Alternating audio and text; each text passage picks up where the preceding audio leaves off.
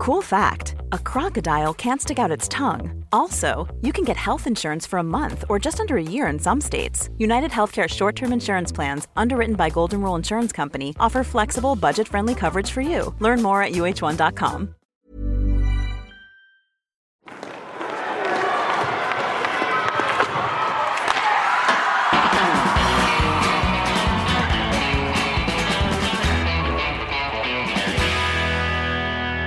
Ja, vi har precis eh, avslutat eller publicerat vår vanliga eh, Hockeystudiopodd och så kommer det braskande nyheter från Värmland.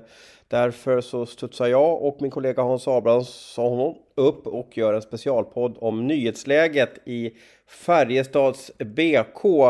Eh, om jag ska sammanfatta det som Färjestad har gått ut med och berättat under dagen Eh, så är det så alltså att general manager Peter Jakobsson eh, får eh, avsluta sitt uppdrag direkt och att ikonen Rickard Wallin kliver in som ja, sportdirektör står det i pressmeddelande. Man kan väl säga att han blir liksom övergripande ansvarig för, för hockeyn eh, genom hela föreningen. Och det här skickar Färjestad ut 12.50 på en måndag eh, direkt efter landslagsuppehållet. Det här är, brukar vara en period, vi pratar om det i vår vanliga Hockeystudiopodd, där det sker någonting, där några ändringar börjar liksom göras hos lagen när man märker att man inte är inne på rätt väg. Vad, Abris, vad kände du när du läste Färjestads pressmeddelande? Ja, alltså efter att ha följt med lite grann under hösten här och hört lite signaler i, i, runt Färjestad så är jag inte jätteförvånad. Jag förstår att många kan vara förvånade. Man tänker vad, vad kan det göra för skillnad att man, man sparkar en sportchef? Vad får man för effekt av det? Eh, men det jag hör och har hört är att eh, man har inte varit helt nöjd med, med Peter Jakobssons roll, hur han har agerat gentemot laget, mot tränarna, varit lite för, för nära helt enkelt eh, laget och, och, när det går tungt så är det ju, blir det ju ofta mycket negativt, eh, negativ feedback också då som kommer mot lag och tränare och sådär. Så att eh, det tror jag är en stor anledning till, till att det har blivit så här.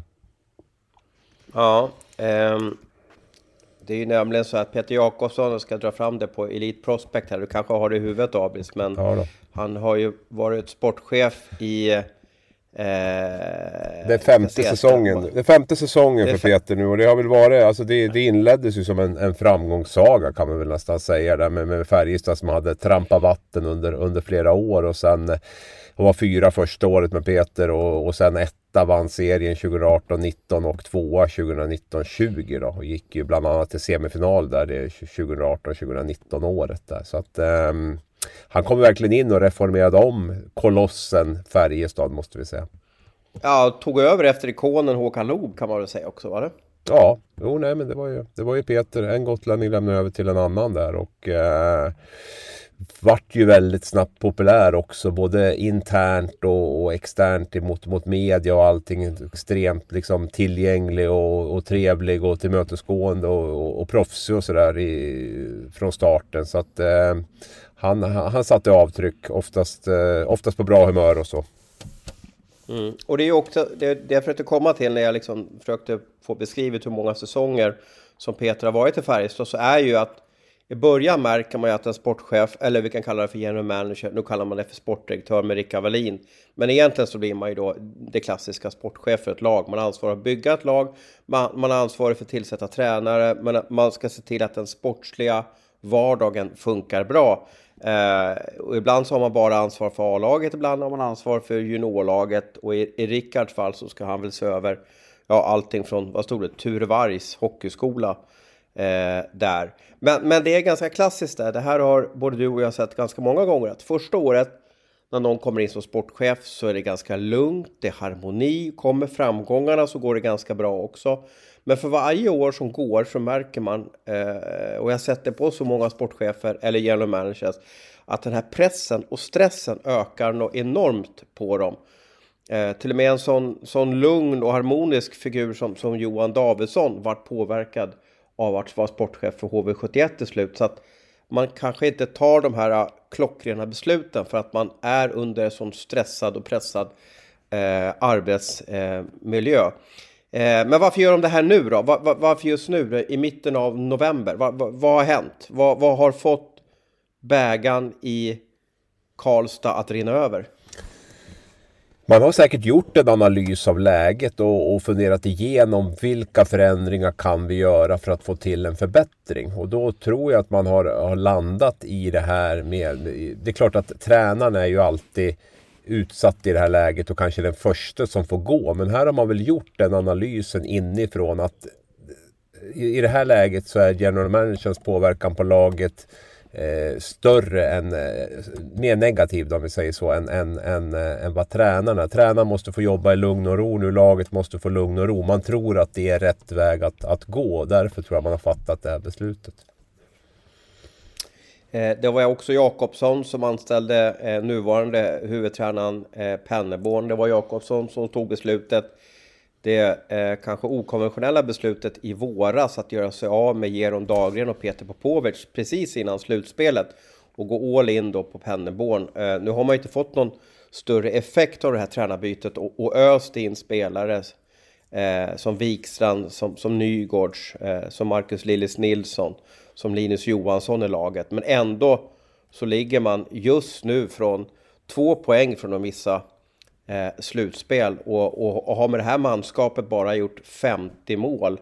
Eh, det är ett slitet uttryck och alla supportrar kanske inte älskar det, men man kallade ju lite Färjestad för Real Färjestad just på forwardssidan för att de öste in så många oerhört kompetenta hockeyspelare. Men, men om, om, om Peter har värvat hem de här killarna, om han har nu gjort det, då har ju han gjort ett jättebra jobb, eller? Ja, det är ju en del i hans jobb naturligtvis att få, att få hem de här spelarna och det tror jag väl att alla som hade någon sympati för Färjestad eller som följer hockeyn överhuvudtaget tyckte att han hade, hade värvat starkt eh, inför den här säsongen. Så där tror jag inte liksom är problemet utan problemet är väl att man har fått ut alldeles för lite av de här spelarna.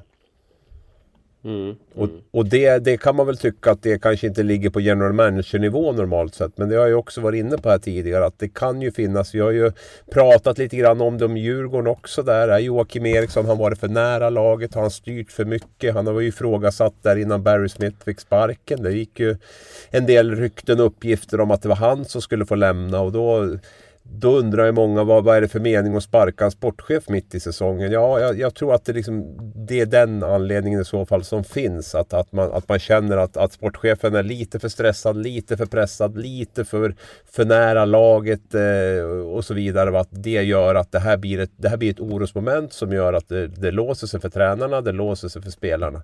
Sen vet ju varken du eller jag om det är, om det är rätt beslut. Det, det var väl lika när Peter valde att sparka de assisterande tränarna där. Han hade väl en tanke om att det skulle lätta upp och förbättra saker men det, det gjorde det ju inte. Men, men eh, Färjestads analys av det här och jag kan tänka mig att Rickard Wallin då som har varit i styrelsen tidigare har, väl, har ju naturligtvis varit, varit involverad också i, i det här beslutet. Och man har gjort den analysen att, att det är det här som, som är den enklaste snabba lösningen för att få eh, bättre effekt på laget.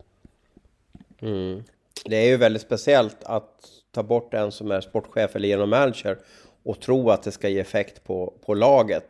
Men eh, som sagt var, du inledde ju det här och pratade om att, att vi har ju hört, både du och jag och folk runt omkring oss, att det har inte varit harmoni i familjen. Det har varit lite, lite för stökigt runt omkring. Och det är kanske det man vill ta bort, de här äh, negativa sakerna som har skett eller, eller, eller energiläckaget på fel saker och kanske att Peter har blivit känt sig enormt pressad av att han haft en stor lönebudget, han har fått hem sitt superlag. Det finns liksom inget att skylla på. Eh, och då blir man ju, man mår ju ganska dåligt som människa då och då gör man ju till slut ett dåligt jobb. Om man tycker att, att varför funkar det inte? Jag har gjort precis allt jag kan och så får man inte ihop det. Eh, man har bytt tränare, man tar dit sina favorittränare i Pressberg och, och, och Rodin och så vidare. Man gör precis allt. Men så blir det ingen förändring. Eh, och då blir det kanske också att man blir lite negativ mot sina kollegor och, och skyller ifrån sig eh, och så vidare. Eh, nu kommer Rickard Wallin in då. Eh, vi har ju sett det här många gånger att man, man klubbarna väljer att anställa eh, en för detta storstjärna och så ska den storstjärnan då bli sportchef eller general manager eller, eller vad det kan vara. I vissa fall, som Håkan Loob gjorde det enormt bra. Vi har eh, andra fall, typ eh, Dakell i Brynäs, det gick inte alls bra. Vad tror du Wallin har för möjligheter att lyckas med sitt uppdrag? Det beror nog väldigt mycket på också hur, vilka han får runt sig. Jag kan väl se framför mig en lösning, något liknande det Brynäs byggde med, med Dakell där. Att man, där var ju tanken att han var sportdirektör, sen skulle man ha sportchef herr, sportchef dam, sportchef junior. Va? Jag kan väl tro att Färjestad, jag tror inte att, jag tror inte att Rickard Wallin kommer att vara en traditionell sportchef för A-laget utan han kommer nog att ha personer eh, under sig där som, som eh, som kommer att sköta just och jobba nära lagen där. Ehm, sen är det ju jättesvårt tycker jag. Jag har aldrig liksom suttit ner och pratat med Rickard Wallin på det sättet. Jag vet inte vilka ledaregenskaper han har utanför isen, hur han så att det, är, det är jättesvårt. Det vi kan säga generellt är väl att eh, före detta storspelare har väl, har väl inte blivit någon supersuccé på, på sportchefs och general manager. Vi har, jo, Johan Davidsson gjorde kanske inte succé i HV även fast de vann ett SM-guld. Nej, nej precis. Nej, men nu har jag var ju han, ja, en assisterande sportchef där efter Johan Hult och sådär. Nej, men det finns väl, finns väl flera exempel på, på att det inte alltid har varit så eh, lyckat. Vi har väl ja, Marcus Näslund i Modo och så också. Det finns, det finns eh, massa fler exempel på, på det där. Men nu vet jag inte heller. Färjestad sitter ju med eh, väldigt mycket kontrakt också till nästa säsong. Så att det känns ju inte som att det är det här akutläget så att, att man behöver jobba med truppen så mycket nu. Utan jag tror nog mer att man, man försöker sätta en ny en ny eh, organisation där, där, där Rickard Wallin är, är högst ansvarig för att sätta den organisationen ihop med styrelsen då givetvis och, och klubbdirektör Stefan Larsson. Men sen, sen som du är inne på, det blir ju en lite speciell känsla här med Peter Jakobsson. Jag menar, de här spelarna som kommer hem nu, de har ju inte kommit hem för att de tycker Peter är en skitstövel utan de, han har säkert varit en stor del till att de har, har valt att vända hem. De har nog gillat honom och det har varit kemi mellan spelarna och, och honom och sådär. Så att det blir ju en det blir säkert en konstig situation nu för, för eh, spelarna också som har, som har kommit hem nu eh, och som, som Peter har värvat hem då när, när det blir på det här sättet. Det, är, det här är ju ett av Hockeysveriges tuffaste jobb, att vara eh, sportsligt ansvarig för Färjestad, så är en av de här eh, fyra, fem storklubbarna med eh, enormt fokus på sig från supportrar, från sponsorer, från media, eh, från alla storspelare som går omkring i Karlstad och, och tycker och tänker. Eh, jag hoppas att Rickard får väldigt mycket stöd av det här, för det är, det är inte så lätt att gå omkring och vara sportchef i, i Karlstad eh, med allt vad det innebär. Alltså nu har han varit i styrelsen, men styrelsen, lite konstigt nog, i Hockeysverige har ju en ganska alltså, låg position. Det är ju inte så här, jag tror inte många ens har koll på vilka som sitter i styrelserna i SHL-klubbarna. Nu blir det helt annorlunda. Nu är det han som ska fronta, det är han som ska spela in Eh, ja, mediaprogram. Det är han som ska kanske eh, välja om man ska bryta med, med Penneborn eller, eller välja vilka spelare man ska få in. Eh, jag hoppas att han får väldigt stort stöd för att han slutade faktiskt spela hockey i Färjestad 2016 och har troligtvis spelat med många av de här killarna som han ska vara chef för nu. Eh, det är väldigt speciell press och det, det såg du på nära håll med Dakell där att det, det funkade ju inte alls med honom så att säga liksom då. Eh, Rickard har väl kanske, som jag ser det så har ju Rickards ledarskapserfarenheter, eh, de är ju magiska. Han fick gå i Jörgen Jönssons skola, han var lagkapten för Färjestad i fyra säsonger. Eh, han var, har varit assisterande lagkapten för Tre Kronor i ett VM. Han var lagkapten för för Tre Kronor i VM 2011. Så att han har ju en gedigen grund att hantera grupper och situationer. Eh, sådär. Men, men igen så hoppas jag, det ska bli intressant att veta också att när vi får första intervjun med honom här och veta vilka, vilka är det i hans grupp? Vilka sätter han ihop i en grupp för att det här ska lyckas? För att, att vara ensam i den där rollen, det är helt omöjligt 2021 eller 2022. Det, det, det går inte. Nej, och sen, sen ska man ha respekt för att det är en sak att vara en jäkligt bra ledare på isen och i omklädningsrummet. Jag menar Andreas Takella är en av de största ledarna Brynäs har haft i modern tid på, på isen och sådär. Det var ju ingen tvekan om det. Det var ju mycket därför han fick jobbet också. Men man ska nog ha en otrolig respekt. Han var kapten de sista fyra, fem åren som han spelade där. Lång NHL-karriär och så vidare. Eh, det behöver ju inte betyda för det är en skillnad att, att vara ledare i omklädningsrummet på isen och att vara det i det civila livet. Det krävs helt andra egenskaper skulle jag vilja påstå för att, för att lyckas med det. Hockeyspråket är ett språk, eh, civila språket är ett annat. Sen skulle jag vilja återvända lite grann till Jakobsson där också. Vad det är som har gjort att han ändå har hamnat här. Så tror jag, eh, alltså, Färjestad har ju varit lite grann, det har ju varit lite samma problem varje år egentligen. Det har ju varit en sprudlande offensiv på något sätt. Men man har haft svårt att sätta det här stabila försvarsspelet, det här grundspelet från egen zon uppspelsfasen och den här biten. Och det har man egentligen brottats med under hela hans tid. Ehm, och det är ju lite förvånande för jag är ju en vän av det här med, med, med, kontinuitet och att man för varje år förbättrar och förfinar sitt system. Och där har ju Färjestad verkligen eh, gått all in på, på Jakobsson och Penneborn. Så att förutsättningarna egentligen för att göra de här förbättringarna borde finnas där.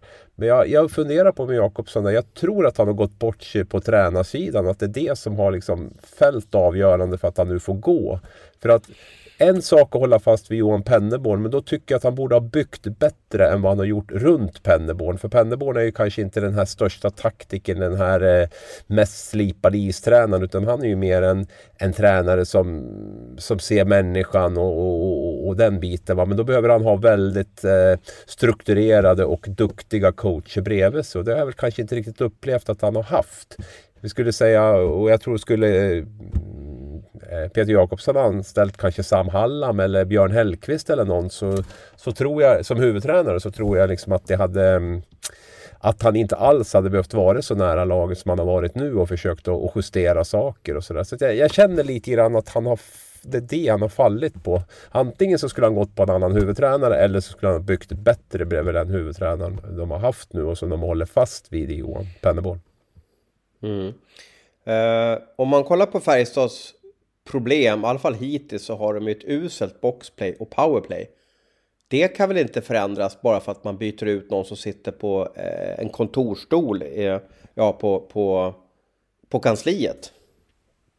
Nej, men det är ju, vi, vi har ju varit inne på det att det kan utifrån sett ses som väldigt, väldigt eh, märkligt att tro att man ska få en effekt med det. Men, det. men det talar väl också för att man nu gör det här beslutet. Vi vet ju inte, det kan ju också finnas andra orsaker att ha skurit sig liksom i något, något möte mellan de här där de har velat haft in Wallin lite grann kanske i en roll och då Jakobsson har sparkat bakut och sagt att jag kommer inte vara kvar eller något sånt där. Det, det vet vi ju inte. Men, men det stora har vi varit inne på. Jag tror att det har blivit för för närgånget mot laget och mot tränarna och att det, man bedömer att de inte får ut sin, att det blir för stressat, för pressat, för, för, för närgånget helt enkelt för att de ska kunna andas ut och eh, göra det de eh, måste göra ute på isen. Rätt eller fel, det får vi se. Men nu diskuterar vi ju varför, man, varför man, vi tror att de gör det. Och eh, Det är min teori.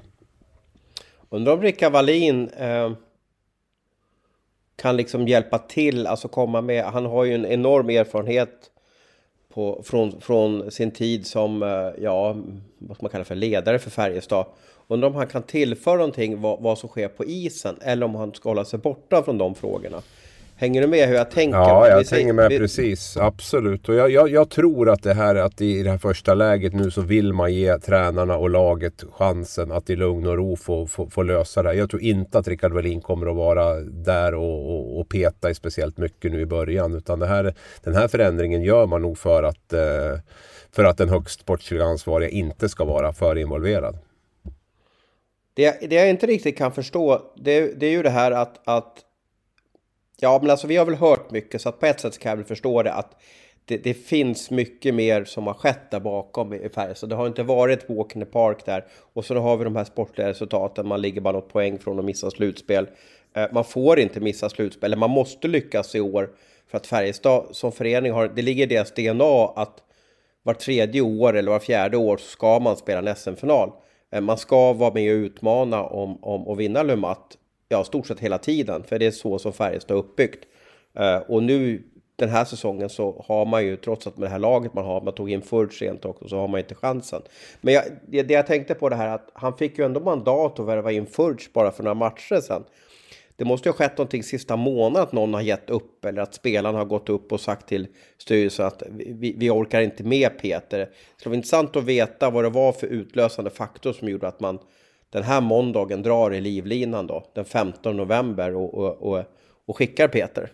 Ja, men det tror jag är ganska uppenbart att det är resultaten den senaste månaden som, som, som ligger bakom. Jo, men de har, ju, de har ju inte spelat en match på nio dagar. Nej, nej, men det här har vi naturligtvis bollats under. Man har väl vänt på alla stenar och man har funderat, ska vi förstärka laget? Ska vi sparka tränaren? Ska vi eh, ta in andra assisterande tränare? Ska vi låta GM eh, lämna? Hur ska vi göra det? Så det har väl säkert varit en process där man eh, till slut har liksom kanske var, haft det här alternativet kvar och då har man kanske inte känt att det har varit någon superstress om vi gör det på fredagen eller om vi gör det nu på måndagen. För att det, det påverkar ju inte Eh, alltså, ska, om en tränare får gå så är det ju ändå mer att den nya som kommer in behöver ju ha varje dag som man kan få för att eh, nöta in om man vill ändra i, förändringar i spelsystem eller vad det är. En GM, eh, general manager, där, där spelar inte tidpunkten jättestor roll. Man vill nog göra det innan serien drog igång igen men, men eh, vilken dag det var tror jag spelar mindre roll.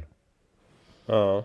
Sen vet vi ju inte. Det kan, hänt, det kan komma fram saker att ja, kan ha, det kan ha skurit sig totalt i helgen eller, eller något, något möte. Eller det kan ha hänt någon enskild episod. Eller, eller någon, vi måste ju reservera oss mot det också naturligtvis. Att, mm. eh, som har gjort att man eh, hamnar i ett akutläge där man, där man måste agera. Men eh, spontant det är spelarna, det Ja, det är ja, spelarna som ska avgöra här. Hur, vad blir det för effekt tror du i omklädningsrummet? Vad, vad sker i i Färjestads omklädningsrum nu när, när, när Peter är borta? Blir det en sån där ja-känsla, nu ska vi visa att, att vi kan spela hockey? Eh, eller blir det, men vadå, det var ju våran kille, det är han som har sett, sett till att vi får 200 000 i lön och det är han som har... Fan, han är ju en väldigt, alltså han är en väldigt trevlig person att umgås med, Peter. Eh, eh, att det blir en saknad, eller, eller tror du spelarna ser honom som en, ja, som en liten en finne i röven? Äh, alltså jag tror att det är en blandad känsla. Det är väl klart att det här är väl inte optimalt på något sätt. Det var väl inte så här Färjestad hade sett framför sig att hösten skulle se ut med att, med att, med att eh, den högst sportsligt ansvarige får, får sparken i november. Det är klart att det, det kommer att sätta en prägel på, på laget också. Jag tror inte enbart att det är att man kör high five där nere och tycker det är skitskönt. Utan jag tror att det Många har ju en personlig relation till Peter Jakobsson också. och Valde som jag var inne på att komma tillbaka till Färjestad och sådär. Så att eh, den, den är nog eh, Den är nog både tuff men samtidigt så ehm, Samtidigt så, så finns det nog både, både spelare och ledare som, som trots allt välkomnar den här lösningen. Då. Sen är det ju upp till dem nu då att bevisa att, att, att, det, att det går bättre utan det här. Liksom. Det är ju... Det är jag ju inte 100% övertygad om att det, att det kommer att göra. Men, eh, Varför inte då, då? De har ju ett väldigt bra lag. Ja, men de har ju inte ett väldigt bra spel. Det har ju bevisats under, under de här åren. De, de, de, det fattas ju någonting. Det men det är ju inte Järno Mansions fel. Nej, men det är ju därför jag är lite osäker på om det kommer att bli så mycket bättre nu. Om man, om man tittar på det då. Jag är inte så säker på att, att det kommer att liksom lösa sig allting bara för det här. Och det är ju som jag är inne på att vi har ju ändå en en tränare som, som har varit ytterst ansvarig nu om det femte säsongen och det har ju fortfarande så, så hackar ju liksom det kollektiva spelet högst betänkligt. Och det är ju inte, jag, är, jag är inte helt övertygad om att bara för att Peter Jakobsson tvingas lämna så kommer allt det att rätta till sig. Så därför så är jag väl fortfarande lite fundersam över hur det kommer att gå. Däremot så är jag väl ganska övertygad om att Färjestad bör vara bättre än den, ja, ligger man nio eller tio eller någonting nu sånt där tror jag. Så att, eh, där bör man ju definitivt flytta upp sig ett par snabbt från det. Uh, du gillar ju underliggande statistik i en högre grad än vad jag gör. Nu, nu hade jag förmånen att gå kurs förra veckan.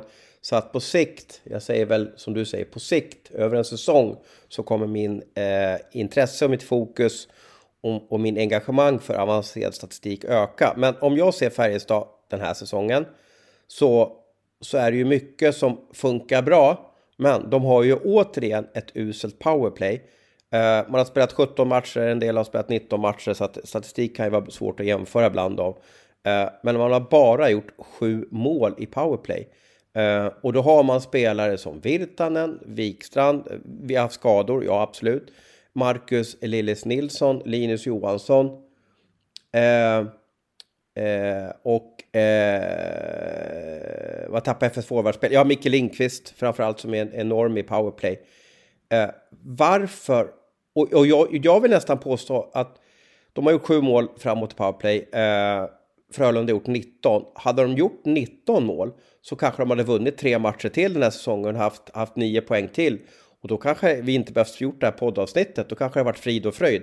Är det inte så enkelt att Färjestads powerplay är roten till det onda? Ja, Färjestad har ju levt mycket på ett bra powerplay tidigare. Det har ju sminkat över en hel del av, av de eh, fem mot fem-spelsbristerna. Eh, man har haft en hög effektivitet, skott, eh, skottprocent och, och även ett bra powerplay. Det, det är ju mycket det man har levt på under Peter Jakobsson och Pennerborns år. Och det har som sagt gjort att man inte har blivit lika synade för de övriga bristerna. Och det är klart att när inte de här två sakerna funkar fullt ut, nu är ju skottprocenten bra fortfarande men powerplay funkar inte alls. Då blir ju det ännu större fokus på, på det övriga spelet och det är väl det lite grann som har, som har hänt i år. Att när, när inte de här, deras eh, viktigaste saker som man varit bra på fungerar så, så då blir man väldigt hårt straffad i det andra. Så att jag ser inte det. Och tittar man på Färjestad, man, man går på den underliggande statistiken så är det, ju, är det ju uppenbart att spelet med puck från egen zon, även kontrollerade ingångar i anfallszon och sånt, att det är där det stora problemet har varit. Och man har helt enkelt inte man har, jag vet inte om man har tänkt att det ska lösa sig med de här skickliga spelarna utan att man inte riktigt har behövt eller om man inte har kompetensen att riktigt sätta ihop det på ett sätt som eh, Leksand, Rögle, Frölunda och några lag till klarar av att göra. Så det, det är ju det är ju de här eh, grundläggande fundamentala delarna i, i, spelet med puck i 5 mot 5 egentligen som har varit eh, det, det, stora problemet. Mm. Och det är ju, äh, har du mm. fått samma nyhetstips som jag? Vem som vem som ska komplettera eh, Rickard Wallin eh, från och med nästa år. Kan det vara Tollefsen? Nej, jag, jag, får, jag får in här lite röksignaler från, eh, från Vänen att Thomas Fröberg är tilltänkt att bli den som ska eh, komplettera Rickard Wallin. Han som är idag sportchef för Oskarshamn. Ja, du ser. Mm. Vad, vad tror du om det? Ja, det är väl ett lätt namn att, att dra och jag tror ju att han väldigt gärna skulle kunna tänka sig att jobba på hemmaplan. Han är ju stationerad i, i Värmland och, och, och har väl liksom levt ett pendelliv nu under, under många år. Så att det är... Och Färjestad är säkert en drömklubb för honom. Nej, men det är väl klart att det kan ju vara ett, eh, ett alternativ för dem. Det, det, det kommer väldigt hastigt och plötsligt här nu så att det... det jag vet jag, ju att jag, Fröberg jag, är ju fick, ingen... Jag fick tipset för tio minuter sedan så jag hade ja, inte riktigt förberett. men det är bra. Det är bra. Nej men Fröberg är ju ingen som smyger i kulisserna direkt sådär. Så det beror väl lite på vad man vill in för typ av, eh, för typ av eh, personlighet i det här då. Och, och Han har ju lyckats ganska... väldigt bra med värvningarna i Oskarshamn måste man säga. Absolut, ihop med, med tränarna skulle jag vilja tillägga där också. De har varit team som har jobbat väldigt bra. Både Jeff Jakobs och Martin Filander har varit väldigt involverade i värvningarna där. Och, eh, men vad jag förstått och det jag hör så är Fröberg också intresserad och eh, tittar på spelare och så som ska värvas och sådär. Så att eh, ja, nej, de har, de har fått ihop det bra där och han har väl haft ganska fria händer också sedan han kom in istället för eh, Daniel Stolt, hette han så? Som var där kort tid. Ja, ja, ja. det var väl lite stökigt. Eh, ja, och har ju haft ganska... Eh, Färjestad blir naturligtvis en annan sak. Och, och, där kan man väl inte bara gå på som man, som man vill själv. Utan det, det, blir, det blir ett annat sätt att jobba. Så det beror väl på vad han eh, föredrar också. Då. Det är klart att han har ju en betydligt större frihet skulle jag vilja påstå i, i Oskarshamn än vad han kommer att få i, i Färjestad. Och kraven är ju inte heller lika lika höga i Oskarshamn som de, som de är i Färjestad. Så men, men visst, jag, hemmaplan väger nog tungt när det ja, gäller... Ja, han är ju mm. född och uppvuxen i Nor och spelade hockey i Grums. Alltså, jag har, och, det, och det är också så att hans kontraktssituation, om jag är fullt pålöst är över den här säsongen med Oskarshamn. Oskarshamn har försökt att förlänga med honom för att Oskarshamn gör ju en bra resa nu. De håller på att etablera sig i SHL och det är ju där är ju en general manager eller sportchef, eh, jag är så trött på det här ordet general manager, det är ju en nyckelroll. Det är ju den man måste se till att förlänga med först, lite som Leksand gjorde med, med Thomas Johansson. Eh, och han har ju spelat, eh, eh, han har ju spelat lite i alla fall får man ju säga då, eh, med, med Färjestad. Jag läste en intervju att han har delat omklädningsrum med Pekka och Peter Andersson och, och, och, och de här så att säga. Så att det har ju funnits liksom lite liksom engagemang i det hela i alla fall. Eh, men jag tror som värmlänning har man svårt att tacka nej till en fin ledarroll i, i, i Färjestad. Jag tror att det är ah, i stort sett omöjligt. Då. Jag vet, var bor han någonstans då? Kan du det? Jag tror att han bor i Karlstad. Eh, I alla fall någonstans där i Värmland. Eh, jag är inte helt säker på exakt vilken men jag, jag fick för mig att det var att det är i Karlstad. Han brukar väl fika med, vem var det han brukar fika med? Var det Perra Jonsson eller någon sån där typ? Så att de brukar komma. Jag har ju någon egen företagare där. Jag var i, i, i Karlstad-trakten och eh, haft en firma dit det har kommit in lite lite hockeyfolk då och då. Eh, sen, är, sen är det ju imponerande i så fall. Men jag tror ju ändå att det här beslutet har gått ganska så fort. Och har man då redan kontaktat ny sportchef för nästa år, ja, det är ju, då, är man, då ligger man långt framme. Jag tror väl inte att man var bestämt för en vecka sedan att Peter Jakobsson skulle få sparken. Men, men, eh, ja, men man kanske så, såg över alternativ och sen har någonting hänt nu och så vidare. Mm. Uh, och det är väl klart att man lyssnar lite om, om framtidstankar och kanske till och med att att Thomas också kollar av eh, vad händer i Färjestad, finns det någon framtid för mig och så vidare. Det är ju ett sätt bara, ja så funkar man ju. Han har visst en Elda-butik i, i, i, i Karlstad då så att säga. Ja, så att, eh, det är sådana kaminer va? Ja, precis, precis. Mm. precis. Ja, så att du märker att det finns ju mycket naturligt. Eh, ja, och det, det, kan ju vara så att man har, man har hört sig för om nästa säsong. Att man hade bestämt att det här blir Peter Jakobssons sista säsong och man hade hört sig för med Fröberg till nästa säsong. Så kan det ju absolut ha varit. Nu kanske det blir att man ja, nu fick ju han gå tidigare än vad man hade tänkt. Är eh, Fröberg Rickard Wallin-kompatibel? ja, det är ju en bra... Eller är Wallin Thomas Fröberg kompatibel? De, de är ja, lite olika människotyper va? Ja det är de absolut. Nej, jag, jag, jag, tänker väl att den här rollen är ganska ny för Rickard Wallin också. Att han ändå behöver ha liksom lite tid att fundera på vem han vill ha jobba närm, under, närmast sig under om man säger så. På, på Framförallt så behöver han ju erfarenhet. Han behöver en telefonbok. Det tror jag inte Rickard Wallin har skaffat sig ännu. Han behöver agentkontakter. Han behöver förstå språket. Och det, den, det, den ryggsäcken bär ju Thomas Fröberg på efter åren i Karlskoga. Jo, absolut. Så kan det vara. Sen kan det också finnas att man kanske vill gå på yngre alternativ, någon, någon, någonting, någonting annat. Alltså det är ändå, man ska ju ha respekt för att det, det händer ju mycket i hockeyn och utvecklingen och allting också. Så där. Jag menar, Micke Sundlöv återvände ju till Brynäs och skulle vara den som skulle ha den rollen till Andreas Dackell om man, om man tittar på det och vara den som hade all kontakt med agenter och, och det där biten. Men ja, det blev väl inte så jättelyckat heller. Va? Så att det där mm, det är en jätteviktig position och jag tror att man ska tänka ett par varv innan man eh, bestämmer sig för vad man ska ta där. För det, det får så väldigt avgörande eh, effekter på, på, på herrverksamheten, vem, vem som kommer att komma in där. Nyhetsbruset slutar alltid och av någon anledning så kommer de här bomberna, nyhetsbomberna, alltid på måndagar. Jag får en känsla av att det är på söndagkvällar som styrelsen har eh, tid att ha möten, det är då vi poddar för övrigt. Och så skickar man ut ett pressmeddelande på måndag förmiddag, kanske efter träningen när man har informerat spelarna. Det slår aldrig fel. Eh, den, här nyhet, den här hösten har inte varit för nyhetstät. Vi har att eh, Djurgården valde att entlediga Barry Smith. Eh, vi har att Leksand gjorde en superförlängning med, med Björn Hellkvist, Thomas Johansson. Och vi har haft lite spelare som har, har eh, flyttat på sig. Eh, vilken tycker du är den största nyhetshändelsen den här hösten? Ja, men alltså det är väl Barry Smith ändå att han, att han får lämna efter så kort tid. Det var ju ett eh, omdiskuterat namn när han kom. Och, eh, det slår Jakobsson, Jakobsson Gate alltså? Ja, nej, det är klart att det, det finns. Det, det, här är ju, det här är ju på den nivån absolut. Det är också, det är också väldigt stort när Färjestad agerar på det här sättet. Och dessutom med, med den general manager som ändå reformerade klubben eh, under, under några år där och, och gjort väldigt mycket, mycket bra saker där. Så det, det, är klart att det, det, är väl, det är väl alltid svårt att, och, eh, att värdera de där två. Men, men de, är väl på, de är på samma nivå.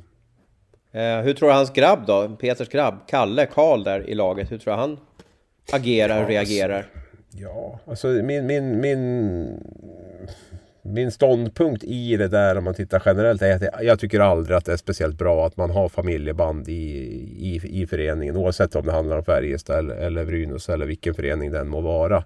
Det måste vara eh, jobbigt för Kalle också. Ja, och, och det är klart att det det blir ju också en, en, en parameter till att ta hänsyn till även då när han var kvar. Så att säga. Det är klart att det är alltid lätt att peka in sig på det där och att han gör det här för att hans son ska få det bättre och så. Och så. Det, det behöver inte alltid vara någon sanning i det men det kan vara någonting som ja, man framförallt så kan mot. ju inte spelarna prata fritt i omklädningsrummet för man har ju liksom sportchefens son i, ja, som sitter ja, bredvid. Ja, alltså, oavsett hur, hur lojal han än är mot laget så finns ju alltid den, alltså Karl då, så finns ju alltid den misstanken naturligtvis och kan ju finnas och sådär. Nej men alltså rent generellt, jag har inget, jag har för dålig insyn i just det här fallet men, men jag tycker att man har oftast mycket mer att förlora än att vinna på att, på att ha den typen av, av släktskap i, i, en, i en klubb.